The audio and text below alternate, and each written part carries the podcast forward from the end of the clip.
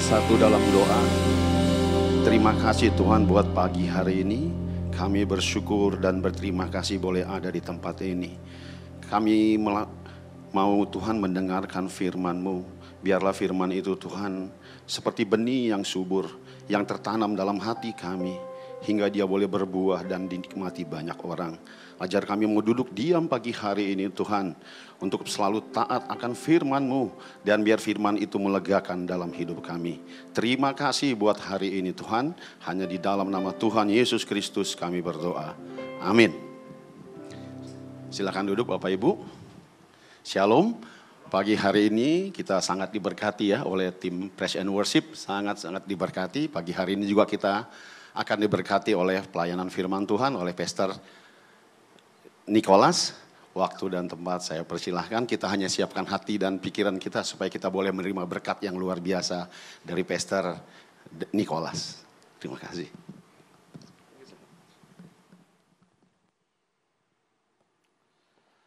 Mari kita berdoa. Bapak kami dalam sorga, terima kasih Tuhan buat pagi hari ini.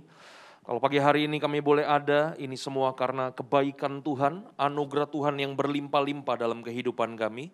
Kami percaya Engkau Tuhan Allah yang disenangkan dengan apa yang kami lakukan. Nyatakan kuasamu pada pagi hari ini ya Bapa. Biar kuasa kebenaran firmanmu, pewahyuan kebenaranmu, memberikan kepada kami perubahan hidup ya Bapak. Urapi mulut bibir hambamu ini. Biar apa yang keluar dari mulut bibir hambamu ini adalah perkataan-perkataan yang murni dan yang rohani. Sehingga kami pulang dari tempat ini kami percaya hidup kami nggak akan pernah sama lagi. Yang lemah dikuatkan yang miskin diperkaya, yang sakit Tuhan pulihkan, yang punya masalah Tuhan berikan jalan keluar. Kami percaya kami akan berjalan dari satu kemuliaan kepada kemuliaan lainnya. Di dalam nama Tuhan kami Yesus Kristus, setiap kita yang percaya dan siap diberkati dengan kebenaran firman Tuhan, sama-sama kita katakan, berikan tepuk tangan yang paling meriah buat Tuhan kita Yesus. Shalom Bapak Ibu, saudaraku terkasih dalam Tuhan. Bagaimana kabarnya Bapak Ibu? Saya berharap semua dalam keadaan baik, dalam keadaan sehat. Perkenalkan, nama saya Dieter Nicholas. Ya, itu nama Dieter itu bukan nama orang Indonesia ya Bapak Ibu ya, itu nama orang Jerman Bapak Ibu. Ya, jadi kalau Bapak Ibu tahu ada seorang teolog Jerman bernama Dietrich Bonhoeffer. Nah, nama saya diambil dari nama itu Bapak Ibu. Ya, tapi seperti Bapak Ibu lihat saya nggak ada tampang orang Jerman ya Bapak Ibu ya. Orang banyak bilang saya lebih mirip orang Amerika daripada orang Jerman katanya. Haleluya. Saya punya istri satu, saya punya anak baru satu, saya melayani nggak jauh dari sini Bapak Ibu di GBI Kebon Jeruk Wisma AKR. Uh, eh, apalagi perkenalannya ya. Ukuran baju double XL, ukuran sepatu 44. Haleluya. Bapak Ibu siap belajar firman Tuhan? Hari ini saya diberikan tema hidup yang maksimal Bapak Ibu. Ya, saya percaya bahwa setiap kita ya Tuhan sudah pilih kehidupan kita. Dan kalau kita boleh ada hari ini, ini semua karena kebaikan Tuhan. Bapak Ibu sadar nggak kalau Bapak Ibu ada di dunia ini itu karena kehendak Tuhan. Yang percaya katakan amin. Kalau kita hidup di dunia ini karena kehendak Tuhan, seharusnya kita ada di dunia ini, kita juga harus menyelesaikan kehendak Tuhan Bapak Ibu. Apa artinya kita hidup di dunia ini tanpa kemudian kita menangkap kehendak Tuhan dan mengerjakannya dalam kehidupan. Nah Bapak Ibu Saudaraku terkasih dalam Tuhan kita akan langsung buka Alkitab kita di dalam Efesus 5 ayat yang ke-14. Efesus 5 ayat yang ke-14 firman Tuhan katakan apa buat setiap kita. Alkitab katakan begini, itulah sebabnya dikatakan, Alkitab katakan begini, bangunlah hai kamu yang tidur dan bangkitlah dari antara orang mati. Jadi firman Tuhan pada pagi hari ini memberikan pewahyuan kepada kita bahwa jemaat Tuhan di tempat ini siapa pun saudara, Alkitab katakan, "Hey, bangunlah." Bangkitlah, katakan sebelah kanan sebelah kiri, bangunlah, bangkitlah, iya kan? Pandemi dua tahun udah mau lewat nih Bapak Ibu ya, mau ketiga tahun, jangan sampai kita tidur terus Bapak Ibu. Alkitab katakan bangunlah, bangkitlah. Kenapa? Karena Alkitab katakan begini, Kristus akan bercahaya atas kamu. Tuhan mau pakai kehidupan saudara dan saya supaya apa? Supaya keberadaan saudara di muka bumi ini kita bisa mengerjakan dan menuntaskan kehendak Tuhan. Saudara dipilih Tuhan bukan untuk mengerjakan hal-hal yang fana, bukan hanya untuk sekedar mengejar hal yang sia-sia, tetapi saudara kalau saudara mau maksimal, saudara harus bisa menangkap dan mengerjakan kehendak Tuhan. Yang mengerti katakan amin. Oleh sebab itu Alkitab katakan begini dalam ayat yang ke-15. Karena itu perhatikanlah dengan seksama bagaimana kamu hidup. Janganlah kita seperti orang bebal, tapi hiduplah seperti orang arif. Hiduplah seperti orang yang punya hikmat. Hiduplah seperti orang yang mengerti kebenaran, yang bisa menangkap kebenaran. Hiduplah seperti orang yang bijaksana, Bapak Ibu. Bagaimana caranya supaya kita bisa menjadi orang-orang yang maksimal? Bagaimana caranya kita bisa menjadi orang-orang yang bijaksana? Ayat yang ke-16 dari Efesus 5, firman Tuhan katakan begini, dan pergunakan gunakanlah waktu yang ada. Karena hari-hari ini jahat. Bapak Ibu Saudaraku terkasih dalam Tuhan, mungkin ada beberapa di antara kita yang punya pemahaman bahwa oh kalau gitu kita harus mempergunakan waktu kita. Kenapa? Karena dunia ini makin lama makin jahat. Bapak Ibu setuju nggak kalau dunia ini makin lama makin jahat Bapak Ibu? Iya kan? Bapak Ibu kalau baca di berita, Bapak Ibu nonton di YouTube, berita-beritanya tuh makin lama kejahatannya makin aneh-aneh Bapak Ibu. Ya, tapi pengertian ayat firman Tuhan bukan hanya sekedar kita mempergunakan waktu kita karena hari-hari ini adalah jahat. Alkitab dalam terjemahan bahasa Inggris dikatakan redeeming the time. Tebuslah waktumu. Kenapa kita harus menebus waktu kita? Karena begini Bapak Ibu, dulu sebelum kita bertobat, sebelum kita percaya Tuhan, kita menggunakan semua waktu yang Tuhan percayakan kepada kita untuk mengerjakan hal yang sia-sia Bapak Ibu. Oleh sebab itu sekarang setelah saudara ada di dalam Tuhan, saudara sudah bertobat, saudara percaya kepada Kristus, kita harus menebus semua waktu yang sia-sia yang kita kerjakan dulu supaya sekarang dengan kita menebus waktu kita, yang kita kerjakan bukan kehendak si jahat, yang kita kerjakan adalah kehendak Tuhan. Yang mengerti katakan amin. Oleh sebab itu hidup yang maksimal itu apa sih Bapak Ibu? Hidup yang maksimal adalah begini. Hidup mengerjakan segala sesuatu di dalam kehendak Tuhan. Yang mengerti katakan haleluya. Oleh sebab itu hari ini Bapak Ibu bagaimana cara kita mempergunakan waktu itu begitu penting Bapak Ibu. Ada orang-orang yang mempergunakan waktu disia-siakan Bapak Ibu. Bapak Ibu tahu nggak salah satu anugerah terbesar yang Tuhan berikan dalam kehidupan setiap kita selain keselamatan Tuhan berikan waktu buat kita. Halo, oleh sebab itu kalau kita menyia-nyiakan waktu yang Tuhan percayakan kepada kita, sebenarnya kita sedang menyia-nyiakan anugerah yang Tuhan percayakan kepada kita. Oleh sebab itu pada pagi hari ini Bapak Ibu izinkan saya untuk membagikan beberapa hal. Bagaimana caranya kita mempergunakan waktu supaya kita pulang dari tempat ini hidup kita semakin maksimal di dalam Tuhan. Tuhan pakai kehidupan setiap kita. Yang mau belajar katakan amin. Bapak Ibu siap? Yang pertama Bapak Ibu, bagaimana cara kita mempergunakan waktu? Caranya adalah begini. Katakan sama-sama, ditambah dan dikurangi. Bisa bahasa Indonesia ya Bapak Ibu ya. Ini saya dari tadi udah mau mulai stres nih saya ini. Ulang, ditambah, dikurangi. Artinya apa? Artinya begini, sadar nggak kita bahwa makin lama kita ada di dunia ini, hidup kita tuh umurnya makin bertambah-tambah Bapak Ibu. Setuju ya? Ada nggak di sini yang kekal? Coba lihat samping kanan samping kiri. Katakan kepada orang di sebelah kiri saudara dulu deh. Katakan, makin lama lu makin tua. Iya kan bener gak sih? Umur kita makin bertambah, usia kita makin bertambah, kita makin tua.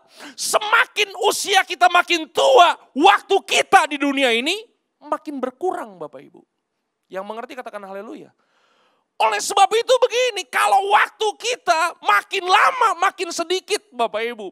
Waktu kita di dunia ini makin lama makin sempit Bapak Ibu. Oleh sebab itu janganlah kita gunakan waktu dan kesempatan yang Tuhan percayakan kepada kita hanya untuk sekedar mengejar hal-hal yang fana Bapak Ibu. Apa pun yang kita kerjakan, Bapak Ibu yang ada di marketplace, hari ini Bapak Ibu bekerja, saya mau nanya, kita bekerja tujuannya untuk apa? Kalau kita hanya sekedar bekerja, hanya untuk sekedar dapatkan gaji, supaya dengan gaji tersebut kita bisa memenuhi kebutuhan kehidupan kita, itu artinya saudara masih mengejar hal-hal yang fana Bapak Ibu. Yang setuju katakan amin. Dan biarlah begini Bapak Ibu. Apa pun yang kita kerjakan, di mana pun Bapak Ibu tempatkan. Dalam pekerjaan-pekerjaan kita. Kita memang bekerja, tiap bulan kita dapatkan sesuatu. Tapi biarlah semua waktu yang kita gunakan dalam pekerjaan kita. Kita juga mengerjakan kehendak Tuhan. Yang setuju katakan amin. Itu dia. Buat ibu-ibu yang ada di tempat ini. Halo ibu-ibu, istri-istri? Ya, kita jadi istri fungsinya untuk apa? Bukan hanya sekedar Bangun pagi, masak buat anak, siapin sarapan buat suami, kemudian nganter suami ke mobil supaya suami bisa bekerja dengan baik. Habis itu nungguin suami pulang, nungguin suami pulang, dimasakin suami, layani suami. Kalau kita jadi istri hanya sekedar melakukan rutinitas yang seperti itu Bapak Ibu, maka apa yang terjadi? Apa yang kita kerjakan adalah masih hal-hal yang belum mengerjakan kehendak Tuhan. Dan biarlah begini Bapak Ibu, sekali lagi, apa pun yang kita lakukan, para suami, para istri, anak-anak, siapa pun kita, apa pun yang kita lakukan di dalamnya, kita mengerjakan sesuatu yang kekal. Yang setuju katakan amin. Itu sebabnya pengkhotbah 3 ayat yang ke-11, firman Tuhan katakan apa? Coba kita baca pengkhotbah 3 ayat yang ke-11. Demikianlah firman Tuhan. Pengkhotbah 3 ayat yang ke-11.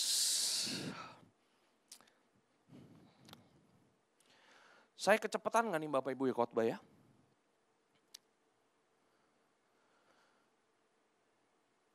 Minimal dijawab ya Bapak Ibu ya kalau ditanya itu ya. Oke kita baca sama-sama. Satu, dua, tiga. Ia membuat segala sesuatu, apa katanya? Indah pada waktunya. Bahkan ia memberikan kekekalan dalam hati mereka. Kalau Bapak Ibu baca pengkhotbah 3 ayat yang ke-11 ini Bapak Ibu, yang paling penting dari kata-kata di ayat ini bukan hanya sekedar ia membuat segala sesuatu indah pada waktunya. Tapi yang paling penting dari ayat ini adalah bahkan ia memberikan kekekalan dalam hati mereka Bapak Ibu. Jadi sekali lagi Bapak Ibu Saudaraku terkasih dalam Tuhan, bagaimana caranya kita bisa melihat keindahan kehidupan ini? Salah satu caranya saudara bisa melihat keindahan dalam kehidupan ini adalah kalau saudara mengerti bahwa Tuhan sedang mengerjakan sesuatu yang kekal di dalam kehidupan saudara. Halo? Makanya nanti kalau Bapak Ibu baca pengkhotbah 3 ayat yang kedua sampai dengan ayat yang ke-8 Bapak Ibu, di situ penulis kitab pengkhotbah memasangkan dua macam pasang waktu Bapak Ibu. Ada waktu untuk menabur, ada waktu untuk menuai. Ada waktu untuk menangis, ada waktu untuk tertawa. Ada waktu untuk berduka, ada waktu untuk bersuka cita. Saya mau nanya, bisa nggak kita bahagia ketika kita berduka? Jawabannya bisa Bapak Ibu. Kenapa kita bisa berbahagia pada waktu kita berduka? Karena begini, kalau kita bisa melihat apa yang Tuhan kerjakan, apa yang kekal yang Tuhan mau kerjakan dalam kehidupan kita, kita bisa melihat segala sesuatu indah dalam kehidupan ini. Yang setuju katakan amin. Oleh sebab itu hari ini Bapak Ibu Saudara terkasih dalam Tuhan.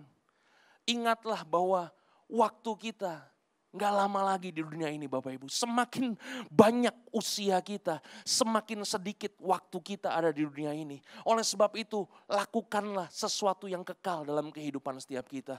Tuhan rindu melakukan sesuatu yang kekal dalam kehidupan kita. Apa pun yang kita kerjakan, tangkaplah kehendak Tuhan dalam kehidupan setiap kita.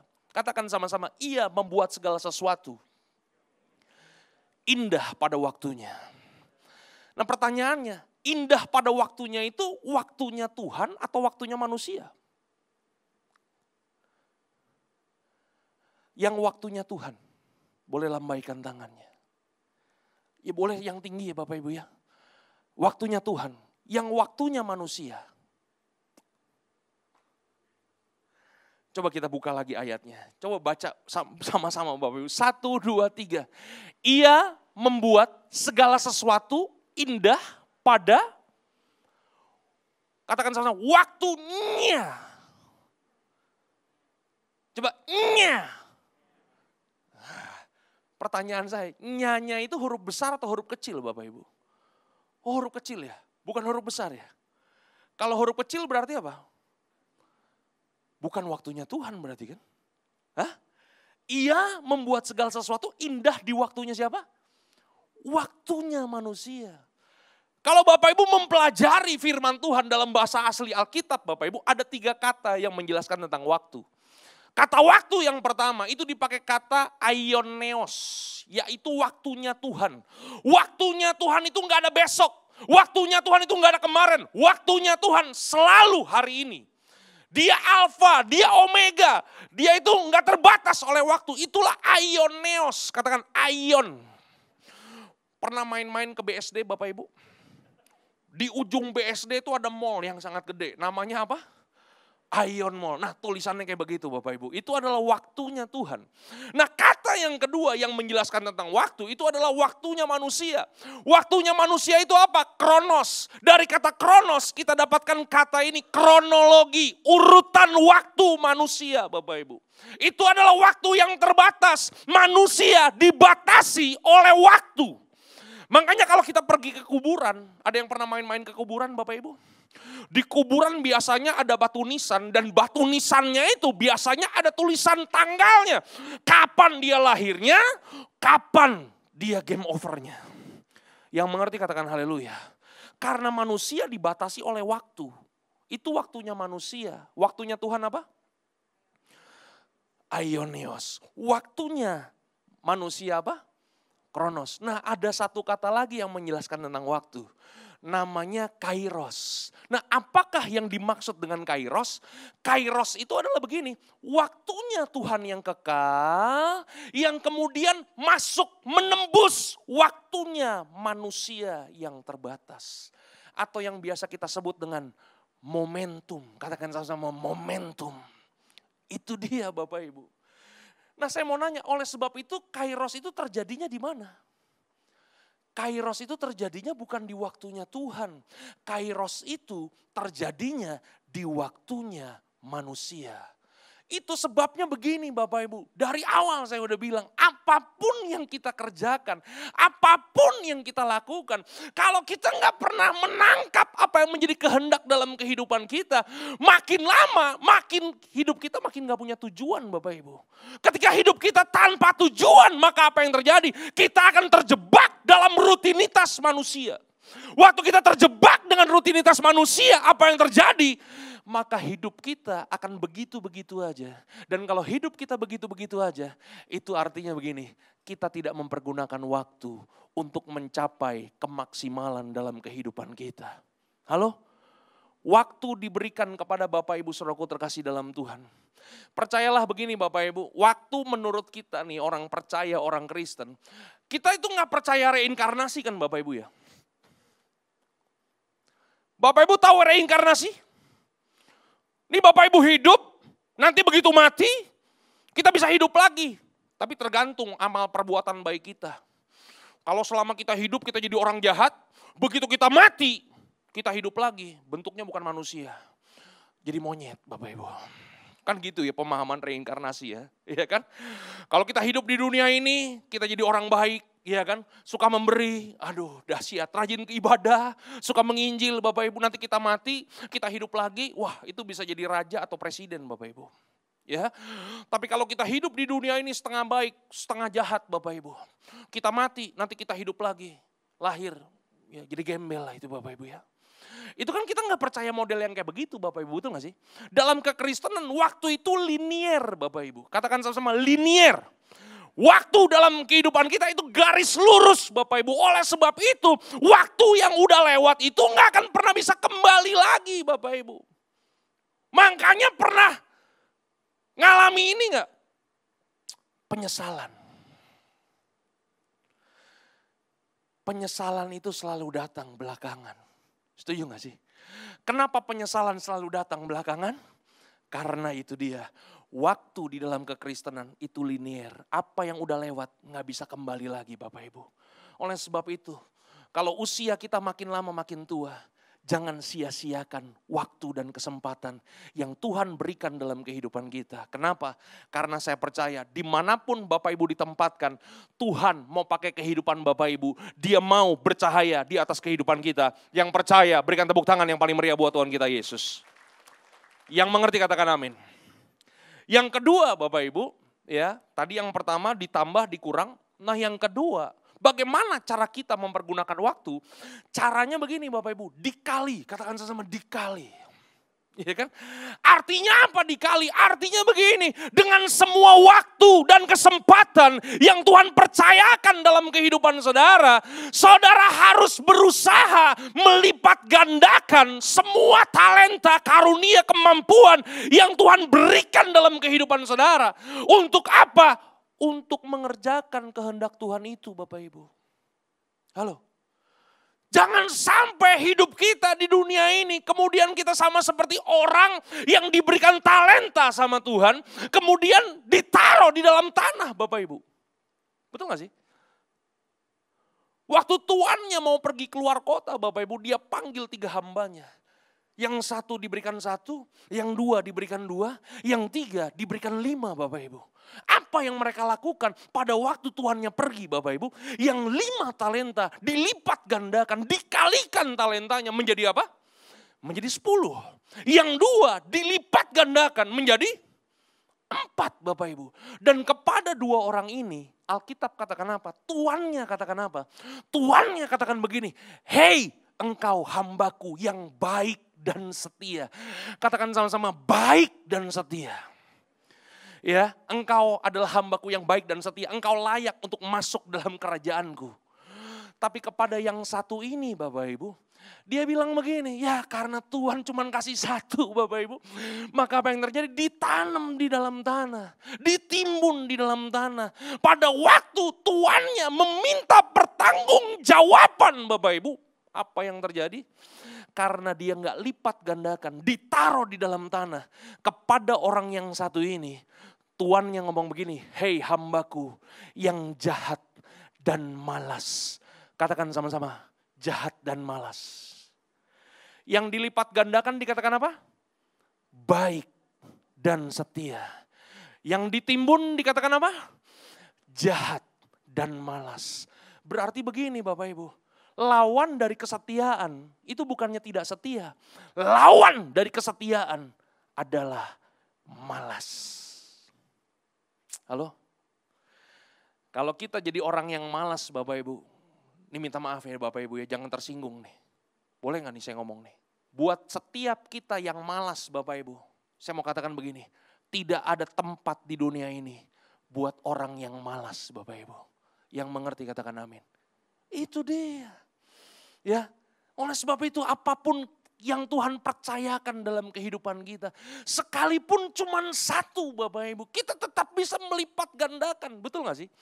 Nih kalau buat saya nih Bapak Ibu ya, lebih bagus satu talenta. Tapi powerful. Daripada lima talenta biasa-biasa aja. Betul gak? Ada orang bisa main musik Bapak Ibu, dia bisa main keyboard, dia bisa main drum, dia bisa main tapi semua biasa-biasa aja. Lebih bagus mana? Dia cuma bisa satu main alat musik, tapi excellent. Mendingan yang mana? Mendingan yang satu tapi nampol kan gitu ya Bapak Ibu ya. Setuju gak sih? Itu dia. Jadi apa pun yang Tuhan percayakan dalam kehidupan saudara, ayo dong gunakan dong. Ya, Bapak Ibu ada di jemaat ini mungkin udah satu tahun, ada yang dua tahun, ada yang tiga tahun. Saya nggak tahu berapa lama Bapak Ibu ada di tempat ini. Jangan begitu-begitu aja dong Bapak Ibu. Jangan hanya sekedar duduk, dengar firman Tuhan, pulang. Tapi hari ini putuskan dalam kehidupan Bapak Ibu. Kalau Bapak Ibu belum melayani Tuhan, layanilah Tuhan Bapak Ibu. Pulang dari tempat ini, hari ini Pastor Wigan sama Pastor Ruli gak ada ya. Minggu depan kalau ketemu lagi, katakan kepada Pastor Wigan dan Pastor Ruli, ya kan?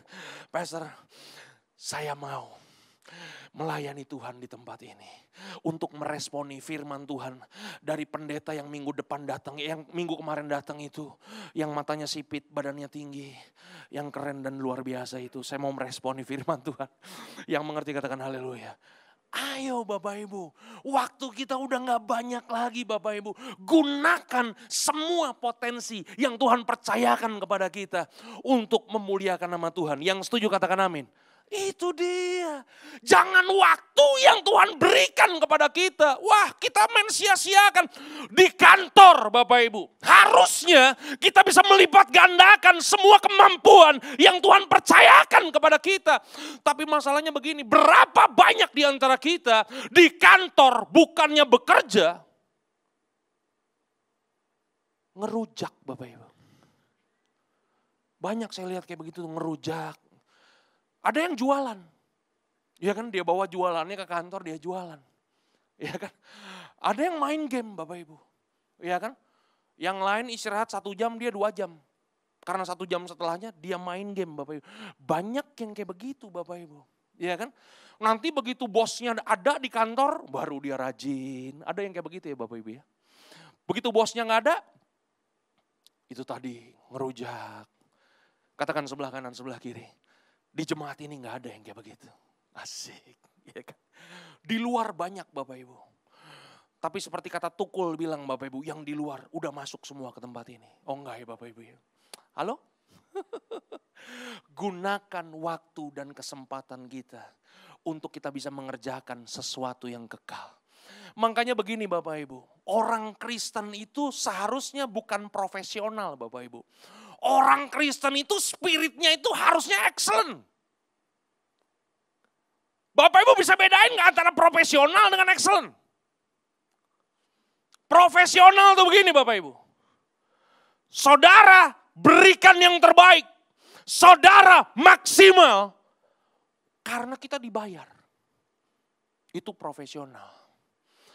Anak Tuhan harusnya nggak profesional. Anak Tuhan harusnya excellent. Ada duit, nggak ada duit. Harus memberikan yang terbaik. Halo? Wih, aduh. Dikasih amplop, nggak dikasih amplop. Khotbah harus maksimal Bapak Ibu. Keluar keringet Bapak Ibu. Wih ya kan, ini bu, khotbah maksimal banget Bapak Ibu. Sampai keringetan Bapak Ibu ya kan. Makanya kalau Bapak Ibu nggak amin mah keterlaluan Bapak Ibu. Halo? Betul gak sih? Itu sebabnya Bapak Ibu, ya kan di mana pun kita ada, di marketplace, di mana pun di pergaulan kita, kita harus tetap bersinar Bapak Ibu, kita harus excellent Bapak Ibu. Bapak Ibu tahu berlian ya? Ya ini bukan berlian, hanya untuk menunjukkan berlian yang saya punya cuma segede gini Bapak Ibu ya. Tahu berlian ya? Berlian itu Bapak Ibu, itu sangat bernilai, batu yang sangat bernilai. Tapi sekalipun ini berlian ditaruh di comberan Bapak Ibu. Saya mau nanya, dia tetap bernilai gak? Dia tetap bernilai. Sama juga dengan kehidupan kita Bapak Ibu. Mungkin hari ini di kantor di mana pun kita ada. Kita ditaruh di tempat-tempat yang gak strategis seperti di comberan itu Bapak Ibu. Tapi sekalipun kita ditaruh di tempat yang kurang strategis. Kita ditaruh di tempat yang kotor Bapak Ibu. Jangan pernah berhenti bersinar Bapak Ibu. Karena saya percaya suatu hari akan ada orang yang melihat berlian yang bersinar itu. Dan orang itu akan mengambil berlian itu dan berlian itu akan ditaruh di mahkota Bapak Ibu. Karena memang berlian tempatnya bukan di comberan. Berlian tempatnya di tempat yang terbaik. Yang mengerti katakan amin. Katakan sebelah kanan, sebelah kiri. Jangan pernah berhenti bersinar. Dahsyat. Yang ketiga Bapak Ibu, bagaimana cara kita mempergunakan waktu? Yang pertama tadi apa? Wih mantap ini. Yang kedua, kali. Yang ketiga, yang ketiga dibagi Bapak Ibu katakan sama-sama dibagi. ya. Jadi apa pun yang Tuhan percayakan dalam kehidupan kita Bapak Ibu, jangan Bapak Ibu makan sendirian. Katakan sebelah kanan, sebelah kiri. Jangan rakus. Iya kan? Benar gak sih? Bapak Ibu tahu nggak orang yang rakus itu akibatnya apa Bapak Ibu?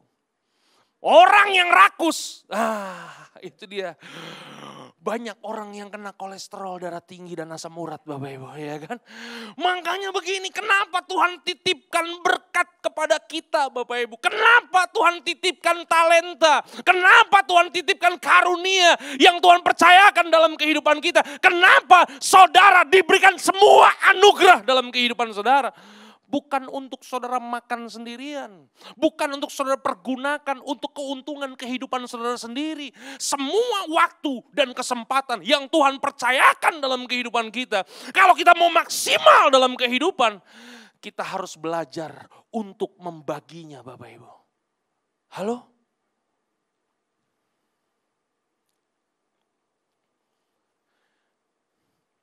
Makanya tempat terkaya di muka bumi ini Bapak Ibu. Itu bukan tambang emas di Papua. Tempat terkaya di muka bumi ini, itu bukan minyak yang ada di Arab sana Bapak Ibu. Bapak Ibu tahu tempat terkaya di muka bumi ini, itu ada di mana? Di kuburan Bapak Ibu. Katakan sama-sama, di kuburan. Kenapa di kuburan? Karena di kuburan itulah tempat tersimpannya. Ada begitu banyak ide-ide untuk membangun bangunan termegah. Tetapi nggak pernah dikeluarkan oleh pemiliknya. Dibawa mati sama pemiliknya. Ada begitu banyak lagu-lagu yang hebat Bapak Ibu. Tapi nggak pernah dikeluarkan sama pemiliknya. Dibawa mati sama pemiliknya. Ada begitu banyak puisi-puisi yang indah dan hebat-hebat. Nggak pernah diomongin Bapak Ibu. Kenapa? Dibawa mati sama pemiliknya Bapak Ibu. Makanya hari ini hiduplah dalam keadaan penuh. Matilah dalam keadaan kosong.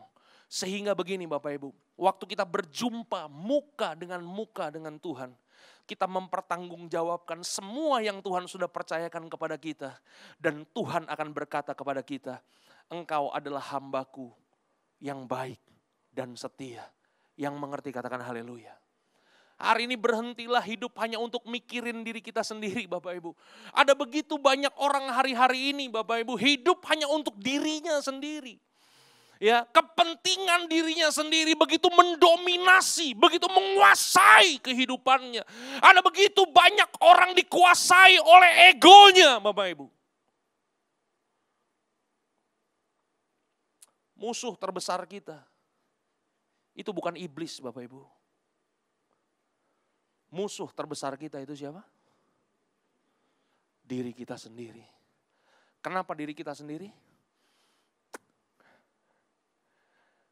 Wah, karena hidup kita dikuasai oleh ego Bapak Ibu.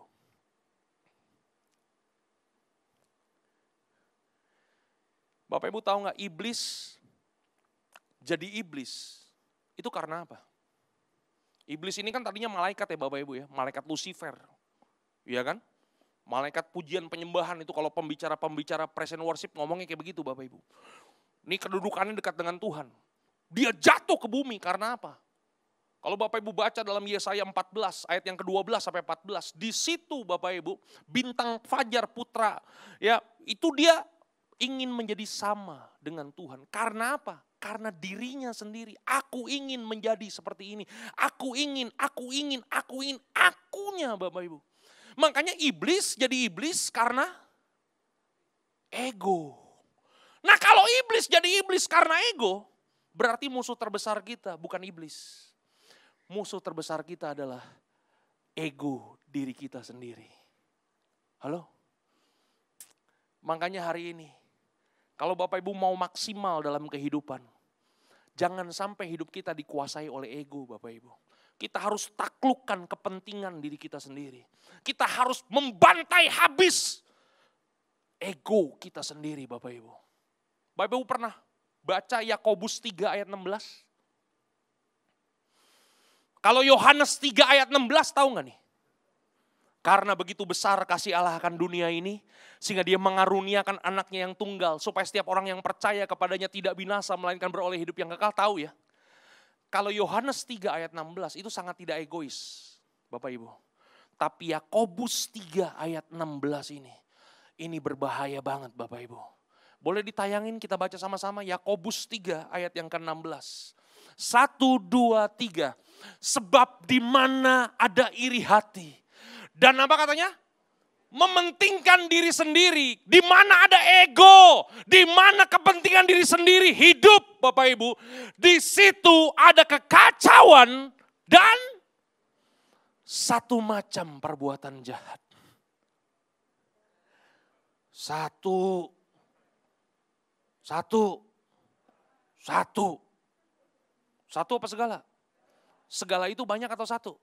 Oh banyak ya. Berarti begini, kalau kita hidup hanya untuk diri kita sendiri, kita nggak pernah belajar untuk membagikannya kepada orang lain. Berarti begini, apa yang keluar dari dalam kehidupan kita, bukan sukacita, bukan damai sejahtera yang keluar dari dalam kehidupan kita. Kekacauan dan segala macam perbuatan jahat. Halo? Ada suami-suami di tempat ini? Boleh lambaikan tangan suami-suami sejati, ya haleluya. Saya mau nanya nih bapak-bapak di tempat ini bisa jadi suami-suami yang jahat gak? Kapan bapak-bapak di tempat ini jadi suami yang jahat? Waktu kita hidup hanya untuk kepentingan diri kita sendiri. Kita nggak mikirin kita punya istri, nggak mikirin kita punya anak, nggak mikirin orang lain. Gue hidup hanya untuk diri gue sendiri di situlah bapak-bapak di tempat ini jadi suami-suami yang jahat. Sekarang gantian istri-istri. Nggak enak kan mesti keadilan sosial bagi seluruh rakyat Indonesia kan ya Bapak Ibu ya.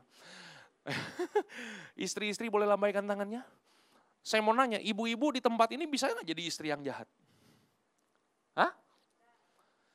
Kapan ibu-ibu jadi istri-istri yang jahat? Itu dia. Waktu kita hidup hanya untuk mikirin diri kita sendiri. Ya kan? Belanja, main gesek. Kita nggak mikirin tuh suami kita, ya kan? Ya kan kerja banting tulang, peras keringat, ya kan? Wah kita main beli tas, main hajar aja. Bodoh amat, yang penting gue dapet. Di situlah istri-istri, eh ibu-ibu jadi istri-istri yang jahat. Boleh lihat saya baik-baik, Saya tahu mata saya kecil tapi lihat aja udah. Ya kan? Saya mau nanya nih, saya bisa jadi pendeta yang jahat gak? Wih, ya mantep bener ngomongnya, bisa. Emang kelihatan penjahat ya Bapak Ibu, nggak kelihatan hamba Tuhan ya. Iya kan? Pertanyaan saya, kapan saya jadi pendeta yang jahat Bapak Ibu? Hah? Waktu saya hidup dan melayani, hanya untuk kepentingan diri saya sendiri. Di situlah saya jadi pendeta dan hamba Tuhan yang jahat Bapak Ibu. Halo? Saya mau nanya nih gereja nih, rumah Tuhan nih, ini bisa jadi jahat gak nih? Wah, tambah mantep lagi ngomongnya. Pertanyaan saya, kapan ini gereja jadi jahat? Waktu gereja ini ada di tempat ini, hanya untuk mikirin dirinya sendiri. Nggak mikirin lingkungan sekitar, nggak mikirin kota. Di situlah kita jadi gereja yang jahat. Halo? Udah? Mau udah penambah nih? Yang mau udahan, lambaikan tangannya. Yang mau lagi, lambaikan tangannya. Yang tuli, ya. Ini Bapak Ibu dari tadi saya udah ngomong 30 ah, menit lebih nih. Ngerti bahasa Indonesia gak sih? Iya kan? Iya kan? Bapak Ibu sadar gak? Dunia ini makin lama makin jahat, dunia ini makin lama makin gila Bapak Ibu. Ya. Pertanyaan saya begini, bagaimana caranya hidup kita tuh jadi berkat di luar sana? Bagaimana kita bisa maksimal dipakai Tuhan luar biasa, ya kan? Bapak Ibu tahu nggak? Pernah lihat orang sinting nggak sinting? Bahasa sekarang itu ODGJ. Tahu ya? Pertanyaannya kenapa orang bisa ODGJ Bapak Ibu? Orang bisa ODGJ karena begini. Ketika semua keinginan dan kemauannya dia nggak dapatkan Bapak Ibu. Ketika semua kepentingan dirinya sendiri nggak terkabul dalam kehidupannya, dia bisa stres. Orang kalau stres nggak disembuhin, depresi Bapak Ibu. Depresi nggak disembuhin, apa yang terjadi? Eh itu berakhir di grogol. Nah Bapak Ibu tahu nggak, belakangan ini ditemukan obat untuk menyembuhkan orang-orang ODGJ. Mau tahu nggak? Nggak, kalau nggak mau tahu saya nggak kasih tahu ya. Ini pewahyuan benih firman Tuhan yang luar biasa. Mau tahu nggak nih? Yakin? Jadi cara menyembuhkan orang-orang yang ODGJ ini Bapak Ibu, ternyata nih orang-orang ODGJ dikumpulin di satu tempat, di tangannya ini kemudian dikasih duit Bapak Ibu. Dikasih duit, dikasih nasi bungkus, dikasih sembako Bapak Ibu. Nah orang-orang ODGJ ini yang udah megang duit, sembako, nasi bungkus, kemudian mereka diajak ke tempat-tempat orang susah Bapak Ibu. Kolong-kolong jembatan. Dan orang-orang yang stres ini Bapak Ibu, mereka disuruh membagikan apa yang ada di tangan mereka. Mereka diajar untuk tidak mementingkan diri mereka sendiri. Mereka diajar untuk memberi, diajar untuk berbagi. Mereka diajar untuk nggak hidup untuk egonya sendiri. Dan yang luar biasa, mujizat terjadi Bapak Ibu. Ketika mereka berfokus pada orang lain dan bukan kepada diri mereka sendiri. Yang ODGJ, turun ODGJ-nya, jadi depresi yang depresi disembuhkan jadi stres. Yang stres bisa normal kembali Bapak Ibu. Halo? Katakan sebelah kanan, sebelah kiri. Jangan terkena virus itu tuh. Iya kan? Jangan hidup hanya untuk diri kita sendiri. Pulang dari tempat ini, jadilah orang-orang yang maksimal. Hei, jemaat Tuhan, Life House, bangunlah dan bangkitlah karena Kristus akan bercahaya melalui kehidupanmu. Tuhan Yesus memberkati Bapak Ibu sampai keturunan ke-7 dan ke-8. God bless you all. Haleluya. Bapak Ibu boleh buka mata, Bapak Ibu boleh lihat saya. Usia kita makin lama makin bertambah banyak Bapak Ibu. Waktu kita ada di dunia ini makin sedikit. Jangan sampai waktu dan kesempatan yang Tuhan berikan kepada kita, kita hanya sekedar mengerjakan hal yang sia-sia Jangan hanya sekedar kita mengerjakan hal yang fana. Tuhan mau pakai kehidupan saudara yang mengerti katakan amin. Apa pun latar belakang saudara, percayalah kalau ada Tuhan di dalam kehidupan saudara. Tuhan bisa mengubahkan secara total. Yang setuju katakan haleluya. Bapak Ibu saudaraku terkasih dalam Tuhan 17 tahun yang lalu Bapak Ibu. Saya baru bertobat Bapak Ibu. Jadi pertobatan saya ini baru 17 tahun. Orang yang punya latar belakang narkoba Bapak Ibu itu masa depannya cuma dua ya, setuju ya Bapak Ibu ya. Kalau nggak masuk kuburan, ya dia masuk penjara aja udah. Saya masuk panti rehabilitasi ketergantungan obat itu tiga kali Bapak Ibu. Di panti rehabilitasi yang terakhir Bapak Ibu, saya masuk ke panti rehabilitasi Kristen. Awal-awalnya Bapak Ibu, saya begitu menolak kenapa saya ditempatkan di panti rehabilitasi yang Kristen model kayak begini Bapak Ibu. Kenapa? Karena saya nggak bisa nyambung Bapak Ibu. Saya nggak bisa tuh kebaktian tepuk-tepuk tangan, bahasa-bahasa roh, Bapak Ibu. Nggak bisa Bapak Ibu. Tapi yang luar biasa Bapak Ibu. Satu tahun pertama, saya datang ke ibadah pemuda sama anak-anak panti Bapak Ibu. Saya duduk di belakang. Waktu duduk di belakang, saya dengar hamba Tuhan berkhotbah. Saya nggak ngerti apa isi khotbahnya. Selesai dia berkhotbah, dia nyanyi Bapak Ibu. Selesai dia nyanyi, dia ngomong begini. Buka hatimu lebar-lebar di hadapan Tuhan. Nah saya nggak ngerti tuh Bapak Ibu, bahasa-bahasa buka hati lebar-lebar. Kalau buka baju kan lepas kancing kan ya. Kalau buka hati itu gimana caranya? Saya duduk di belakang itu Bapak Ibu, saya nunduk aja. Saya ngebatin sama Tuhan, saya ngomong begini sama Tuhan, Tuhan, apakah benar Tuhan bisa pakai hidup saya? Saya ini udah nakal loh Tuhan, saya ini bajingan loh Tuhan. Saya udah banyak ngerusak anak orang loh Tuhan. Apakah Tuhan masih mau pakai hidup saya? Apakah saya masih layak di hadapan Tuhan? Bapak Ibu saya datang ke gereja, itu sebelumnya nggak pernah nangis Bapak Ibu. Tapi hari itu saya ngerasa Tuhan benar-benar menjamah hidup saya, melawat hidup saya. Saya bukan hanya sekedar nangis Bapak Ibu, itu saya teriak-teriak, kebaktian selesai, saya masih guling-guling di lantai Bapak Ibu. Saya lepaskan semua kepahitan yang ada di hati saya. Waktu saya pulang Bapak Ibu, saya katakan gini dalam hati kepada Tuhan, Tuhan kalau memang Tuhan mau pakai saya, Tuhan jangan pakai saya setengah-setengah. Tuhan pakai saya maksimal. Saya mau jadi pelayan Tuhan, saya mau menjadi hamba Tuhan. Bapak Ibu saudaraku terkasih dalam Tuhan, saya percaya begini Bapak Ibu.